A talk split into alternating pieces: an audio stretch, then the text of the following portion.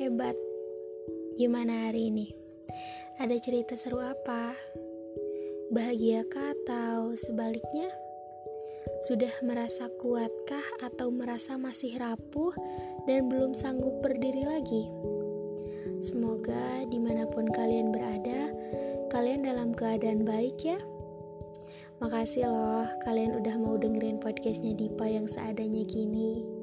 Tapi Dipa harap semoga podcast Dipa bisa menginspirasi dan merangkul kalian. Kita menjadi lebih bareng-bareng ya. Ada banyak hal yang sebenarnya pengen Dipa sampein. Cuman buat sekarang, mungkin Dipa mau bahas tentang perempuan cantik.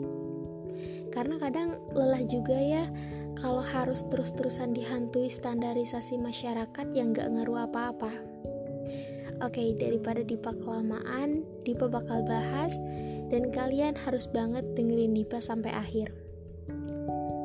Ada yang lebih penting dari sekedar menjadi cantik, yaitu merasa cantik. Menurut Dipa, semua perempuan itu harus merasa bahwa dirinya cantik, unik, spesial, dan lain-lain yang tentu pada hal yang positif. Karena Bagaimana mungkin orang lain akan menghargai kita jika kita tidak menghargai diri kita sendiri? Bagaimana mungkin orang lain akan memandang kita cantik, sedangkan kita terus-terusan membunuh kecantikan kita dengan rasa tidak percaya diri karena ucapan dan standar sampah orang lain? Kita harus bisa, loh, menghargai, mencintai, dan mengapresiasi diri kita sendiri sebagai seorang perempuan.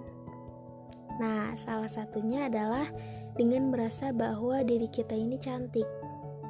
Tapi cantik di sini dalam artian keseluruhan ya, bukan hanya tentang fisik, tapi tentang pemikiran, sikap, dan tindakan kita sebagai seorang perempuan.